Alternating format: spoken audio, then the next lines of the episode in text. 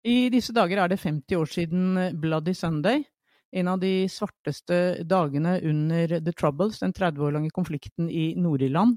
Og dette skal vi snakke mer om i denne episoden av Pod Britannia, en podkast fra britiskpolitikk.no. Jeg heter Trine Andersen, og med meg i dag har jeg to som kan svært mye om Nord-Irland.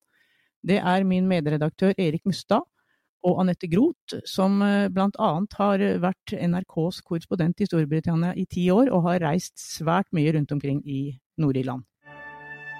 We shall never surrender. The pride in who we are is not a part of our past. It defines our present and our future. The people of Scotland have spoken. England, Scotland, Wales, Northern Ireland together, taking us forward, unleashing the potential of the whole country. Ja, Bloody Sunday skjedde altså den 30. januar 1972 i den nordirske byen Derry, som er den nest største byen i Nord-Irland. Tusenvis av mennesker hadde samlet seg i en bydel for å gå inn til sentrum av Derry i en borgerrettsmarsj. Det var ment å, å være en fredelig marsj, men demonstrantene ble møtt av den britiske hæren, som begynte å skyte. 13 ubevæpnede mennesker ble drept denne dagen og mange ble såret. En person eh, døde senere av skadene. Og Anette, jeg tror du må gi oss litt av bakgrunnen til denne marsjen? Det var på denne tiden en god del protestmarsjer, og man kan kanskje si at de begynte med noe Storbritannia innførte i Nord-Irland eh, et halvt år før, den 9. august 1971. Eh, da innførte de internering uten lov og dom det tenker jo vi at et demokrati som Storbritannia har ikke internering uten lov og dom, men det innførte de. Det var på initiativ av den protestantiske regjeringen i Belfast, men de lot det skje. Og det betydde jo at de kunne sette folk i fengsel for ingenting. Og det var jo da myntet på IRA og væpnede irske nasjonalister. Og det var da også bare katolikker, så å si, som ble satt i fengsel på denne tiden. Og på samme dag som uh, interneringen ble innført, altså den 9. august 1971, eh, så var det protester i et område av Belfast som heter Ballymurphy. Og der var også den britiske hæren. Og der skjedde noe av det samme som da skjedde i Derry et uh, halvt år senere. Elleve mennesker ble i løpet av uh, tre dager drept der i, det som ble kalt Bally Murphy Massacre. Både interneringen og massakren i Bally Murphy-området uh, utløste jo sterke protester. Og det spredte seg også til Derry, som uh, jo er den nest største byen i Nord-Irland. Og um, det var særlig i to områder i Derry dette skjedde. Det var um, i uh, Corrigan og i uh, Bogside. Og der, det, der hadde IRA egentlig tilhold, men samtidig så var det jo veldig mange som, uh, som ikke var medlem av IRA der også. Um, og det var altså 30. januar 1972. Da var det lagt opp til en stor protestmarsj det skulle være en fredelig demonstrasjon, og det var mange mennesker som deltok. Men de protesterte selvfølgelig mot det eh, den protestantiske regjeringen, støttet av Storbritannia, gjorde mot irske nasjonalister i Nord-Irland. Men Erik, på denne tiden så var det vel da en av grunnene til at det var så, så mange fra militæret på plass, var vel at dette på den tiden vi var, jo, jo inne i the trouble så vidt, men det var også forbudt å demonstrere da, var det ikke det? Jo da, det var forbudt å demonstrere, og det hadde den britiske regjeringen lagt ned forbud mot i, i januar, begynnelsen av januar 1972, fordi at man hadde sett tilløp til sammenstøt eh, fra 68 gjennom 69, da den britiske hæren ble utplassert i Nord-Irland. Så man så jo for seg et bilde her. Eh, først da den britiske hæren kom, ble godt mottatt av nasjonalistene som en slags eh, tredjepart som skulle ivareta minoritetenes, altså nasjonalistenes rettigheter i Nord-Irland. Fort fort ble jo det snudd til at nasjonalistene så på den britiske hæren som en okkupasjonsmakt, tilstedeværelse, som ble sett på som svært negativ. Så eh, alle disse demonstrasjonene eh, marsjene som vi så gjennom eh, 68, 69, 70, eh, og inn da gjennom denne internment-perioden som Anette nevnte, så var det jo sammenstøt mellom unionister og nasjonalister eh, i gatene. Og Vi må huske at den, den borgerrettighetsbevegelsen ble jo danna i 1967 etter modell av Martin Luther Kings borgerrettighetsbevegelse i eh, USA, eh, for å, å, demonstrere rett og slett mot udemokratiske tilsidesettelse av nasjonalistene. Og Det var fredelige marsjer. Alle disse eh, marsjene vi ser på slutten av 60-tallet og inn på 70-tallet. Så det er jo et ganske dystert bakteppe også når vi går gjennom internment-perioden i 70 71 og de voldsomme reaksjonene mot det, som en selvfølgelig kan forstå, eh, og inn da i januar 1972, hvor eh, disse grufulle hendelsene skjedde. da. Ja, det var jo en fredelig marsj, også den i Derry, 30.1.1972. Eh, jeg har sett noen filmopptak fra det, og de sang jo 'We Shall Overcome', blant annet. De var, som du sa, Erik, inspirert av borgerrettsmarsjene i USA på slutten av 60-tallet. Og det var fredelige, en fredelig marsj med veldig mange unge deltakere.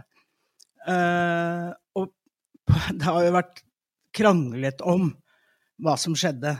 For det ble jo da åpnet ild mot denne marsjen fra, som, uh, fra den britiske hæren, og spesielt et, et regiment, regiment som het Fallskjermjegerkompaniet. The Parachute Regiment. Uh, og det, de, det er de som har fått skylden for dette. De påstod at de ble angrepet, de påstod at det var IRA som, uh, som skjøt først. Men det var det altså ikke. Og så skjedde det i rasende fart, og det ble fullstendig kaos da de militære begynte å skyte. Ja, det har jo kommet to rapporter etter Bloody Sunday som uh, på hver sitt vis beskriver det som skjedde. Men Erik, kan ikke du fortelle litt mer om disse to rapportene? Ja, da, det kan jeg godt. Og, og Massakren skjedde jo i løpet av ti minutter, eh, hvor da disse 13 eh, ble drept, og så, så døde en senere av de skadene han fikk. Sånn at det ble 14 dødsfall til sammen. Eh, så det gikk veldig, veldig fort, som Anette sa. og eh, Ingen ble skutt på i det hele tatt i den britiske hæren i denne fallskjermjegertroppen. Eh, dette visste vi jo gjennom dokumentarer Eh, intervjuer som ble gjort, men denne fornektelsen som den britiske regjeringen eh, holdt på helt egentlig fram til 2010, da statsminister David Cameron etter rapport nummer to, Savile-rapporten, ble da nedsatt av Tony Blair i 1998, og brukte altså hele tolv år på å komme fram til dette resultatet, som førte til at uh, daværende statsminister David Cameron unnskyldte uforbeholdent i Underhuset i 2010. Den første rapporten var en ren hvitvasking, uh, og støtta da den britiske hæren. Og konkluderte da med at den britiske hæren, altså fallskjermjegertroppen, her hadde blitt skutt på først. Eh, og at de hadde handla i selvforsvar. Dette er Widgery-rapporten som kom bare noen måneder etterpå. Eh, og eh, den gjorde jo at massakren fikk en slags dobbel betydning for Derry og Nord-Irlands nasjonalister.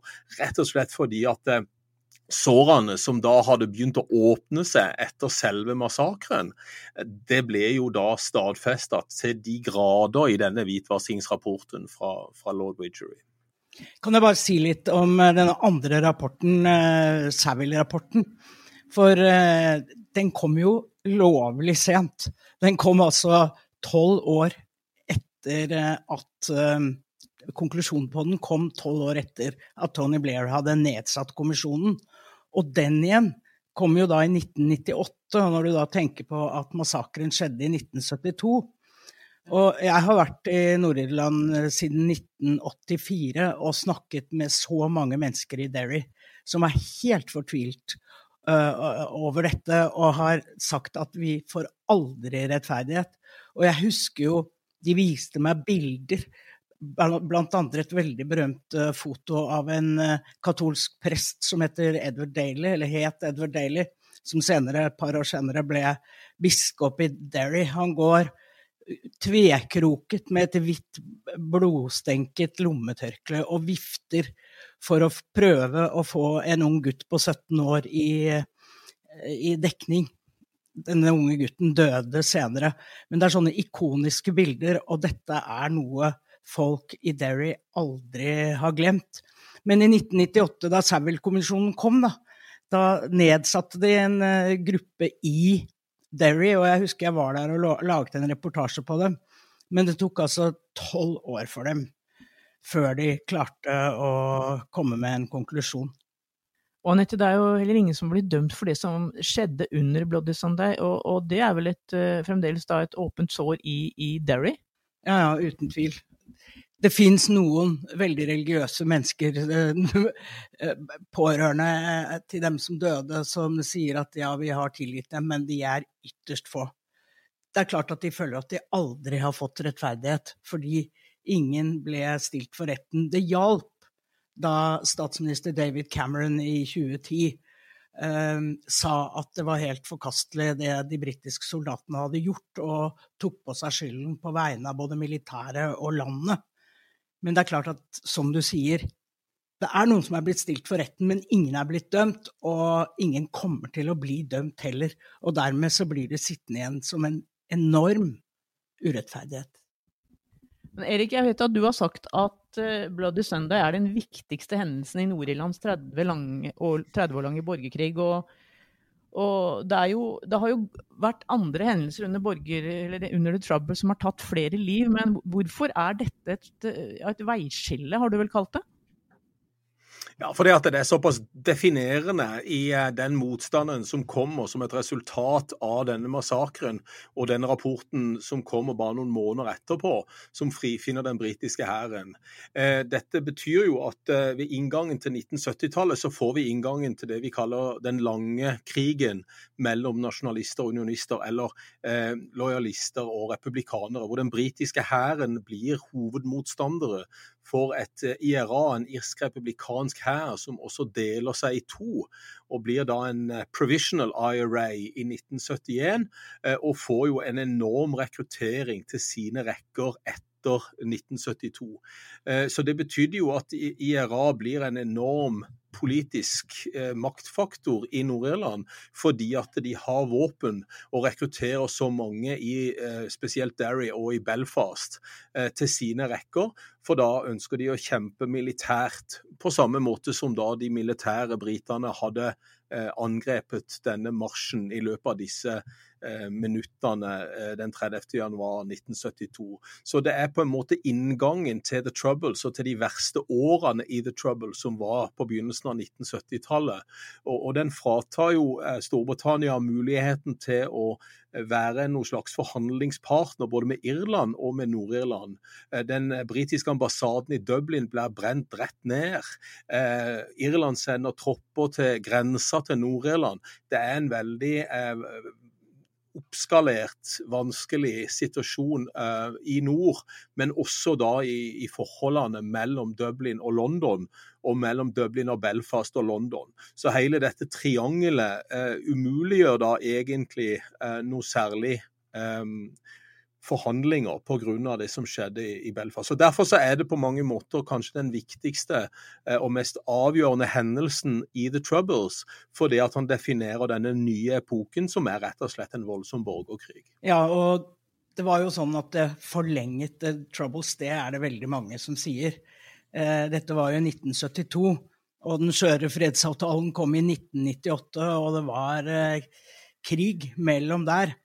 Og flere mener at det ville ikke holdt på i så mange år hvis det ikke hadde vært for Bloody Sunday og konsekvensene av den, og alt det som skjedde etterpå, og ikke minst hvitvaskingen fra Storbritannias side. Nei, det har du nok helt sikkert rett i, i Anette. Jeg tenkte på også en annen ting som, som skjedde etter Bloody, Bloody Sunday. Det, Erik, det var vel sikkert at det også skapte et politisk vakuum i Nord-Irland eh, ved, ved, at parlamentet da på Stormont utenfor eh, Belfast eh, ble oppløst, og all makt ble overført til London. og Dermed så, så ble også dette selv, nordirske selvstyret som hadde vært i, vart da fra 1922 avskaffa. Jo da, det ble jo sett på som om at Stormont hadde mista kontrollen. Eh, selv om Stormont da hadde tatt initiativet til eh, denne fengslinga uten lov og dom i, i, 1971. Men vi må jo huske da at nasjonalistene som var i mindretall, de hadde ikke de samme rettighetene som unionistene, altså de protestantiske unionistene. Eh, de hadde ikke samme stemmerettsmuligheter. En nasjonalist telte tre femtedeler av en uh, unionist. Um, de hadde blitt diskriminert systematisk. Systematisk diskriminering når det gjaldt når det gjaldt jobber, jobbmarked, når det gjaldt eh, offentlig tildeling av, av, hus for de som hadde behov for offentlig husvære. Eh, så på alle områder så var det en systemisk diskriminering mot nasjonalister. Dette var jo bakteppet også for afroamerikanerne i USA på 1960-tallet, og var da tilsvarende bakteppe på The Civil Rights Association i Nord-Irland. Det var jo dette de reagerte mot. Så de demonstrerer jo mot eh, den Stormont-regjeringen som støttes da av London, uh, med det i bildet at uh, de faktisk har en majoritet. De har manipulert grensene sånn at nasjonalistene ikke har noe politisk representasjon på Stormont, som var den interne Eh, regjeringen for eh, Nord-Irland.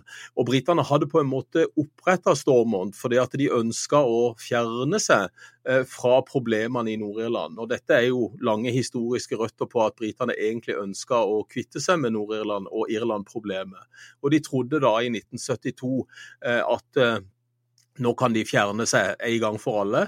Eh, men så ble det da direkte styre fra London, da de skjønte at eh, det var såpass kaos i Nord-Irland at eh, Stormont-regjeringen overhodet ikke var i stand til å styre Nord-Irland. Og som du sier, så var altså ikke det nasjonalistiske mindretallet representert på Stormont-slottet, hvor da regjeringen holdt til. Og det er jo ganske spesielt. Det ble kalt A Protestant Parliament for a Protestant People. Men det var altså et stort, stort mindretall av katolske nasjonalister, eller innfødte irer, eller hva du nå velger å kalle dem, i Nord-Irland, som overhodet ikke var representert i styre og stell. Og som du sa, Erik, de var diskriminert på absolutt alle andre områder også. Skal vi, skal vi, snakke litt helt til, til slutt om, eh, om, Derry, hva slags eh, by det er? Du er vel den som har vært der mest, eh, Anette. og Bogside, hvor denne massakren skjedde i 1972. Der er det jo ganske mange minnesmerker i dag over eh, Bloody Sunday. Kan du fortelle litt om dem? Disse to områdene, Bogside og Craigan, det var, ble jo på, på slutten av 60-tallet, begynnelsen av 70-tallet eh, kalt såkalte no go areas. Eh, politi og militære gikk ikke inn der. Det var et katolsk nasjonalistisk flertall i Derry men det ble, som Erik forklarte, manipulert på den måten at, de ikke, at det ikke så ut som det var flertall. Um, det var veldig mye protester i Derry. Uh, mange uh, som reagerte mot uh, protestantiske organisasjoner som gikk i tog, og som hvis, de, hvis nasjonalistene gikk i tog, angrep dem. Det var veldig sterke og steile fronter. og det har jo IRA hadde jo et stronghold i The Bogside. Uh, Martin McGuinness, som kanskje mange har hørt om, som senere ble Sinn Fein-politiker. Ja, Og som etter hvert også ble viseførsteminister i den horiske regjeringen? Ja, jo, ja, ikke sant. Uh, og som kom høyt opp i det politiske etter, um, etter uh, fredsavtalen i 1998. Han var jo såkalt commander, kommanderende offiser i IRA i Derry i sin tid. Og det var veldig mye, mye bråk der. Eh, også pga. den urettferdigheten som vi har snakket om, og som gjaldt ikke minst i Derry. Ja, nå, har, nå kom jo den britiske regjeringen med en offisiell unnskyldning da i 2010, og vi har fått denne Savile-rapporten. Men det er helt tydelig, som vi har snakket om tidligere, at dette er et, eh, et åpent sår. Hvorfor, hvorfor blir de aldri helt ferdig med dette her, Erik? Det var jo en patetisk unnskyldning for det første i Underhuset, som nok ikke de eh, som var involverte, de som sitter igjen, de 14 familiene, ser på som en unnskyldning til seg sjøl. Eh, det var en slags offentlig unnskyldning som ble fremført i Underhuset, eh, med en nokså sånn uforbeholden eh, måte å, å, si unnskyld på. Samtidig så er det nok mange i Nord-Irland som føler at det burde vært gjort mer for å stille de ansvarlige eh, til, eh, gjennom en juridisk prosess. Det har ikke vært noe sannhetskommisjon, det har ikke vært noe oppgjør med fortida. Eh, dette er jo noe av de utestående problemene i Nord-Irland. At eh, man har gitt amnesti i veldig stor grad til både militære og til terrorister på begge sider, for man har ønska å komme videre og ikke la fortida dominere så veldig stort i, i, nåtida. Men man blir jo heller da aldri ferdig med fortida når man ikke tar et endelig oppgjør med det. Og selv om de eh, pårørende var glade for denne unnskyldningen, og at Sævel-kommisjonen slår fast det som har vært hevda og visst hele veien, at dette her ikke var provosert av noe som helst uh, i disse uh, marsjene, så, så, er det nok en, en følelse i Derry spesielt at man ikke uh, kom noe videre, bortsett fra de få som ønska å, å tilgi eh, de britiske og den britiske staten for dette. Så disse åpne sårene vil jo aldri gro fordi at man ikke føler at sannheten enda er kommet frem. Eh, og dermed så blir det liggende der som en verkebyll også fremover. Jeg føler meg fristet til å avslutte med et sitat fra John Kelly, som mistet broren sin i, i Bloody Sunday-massakren.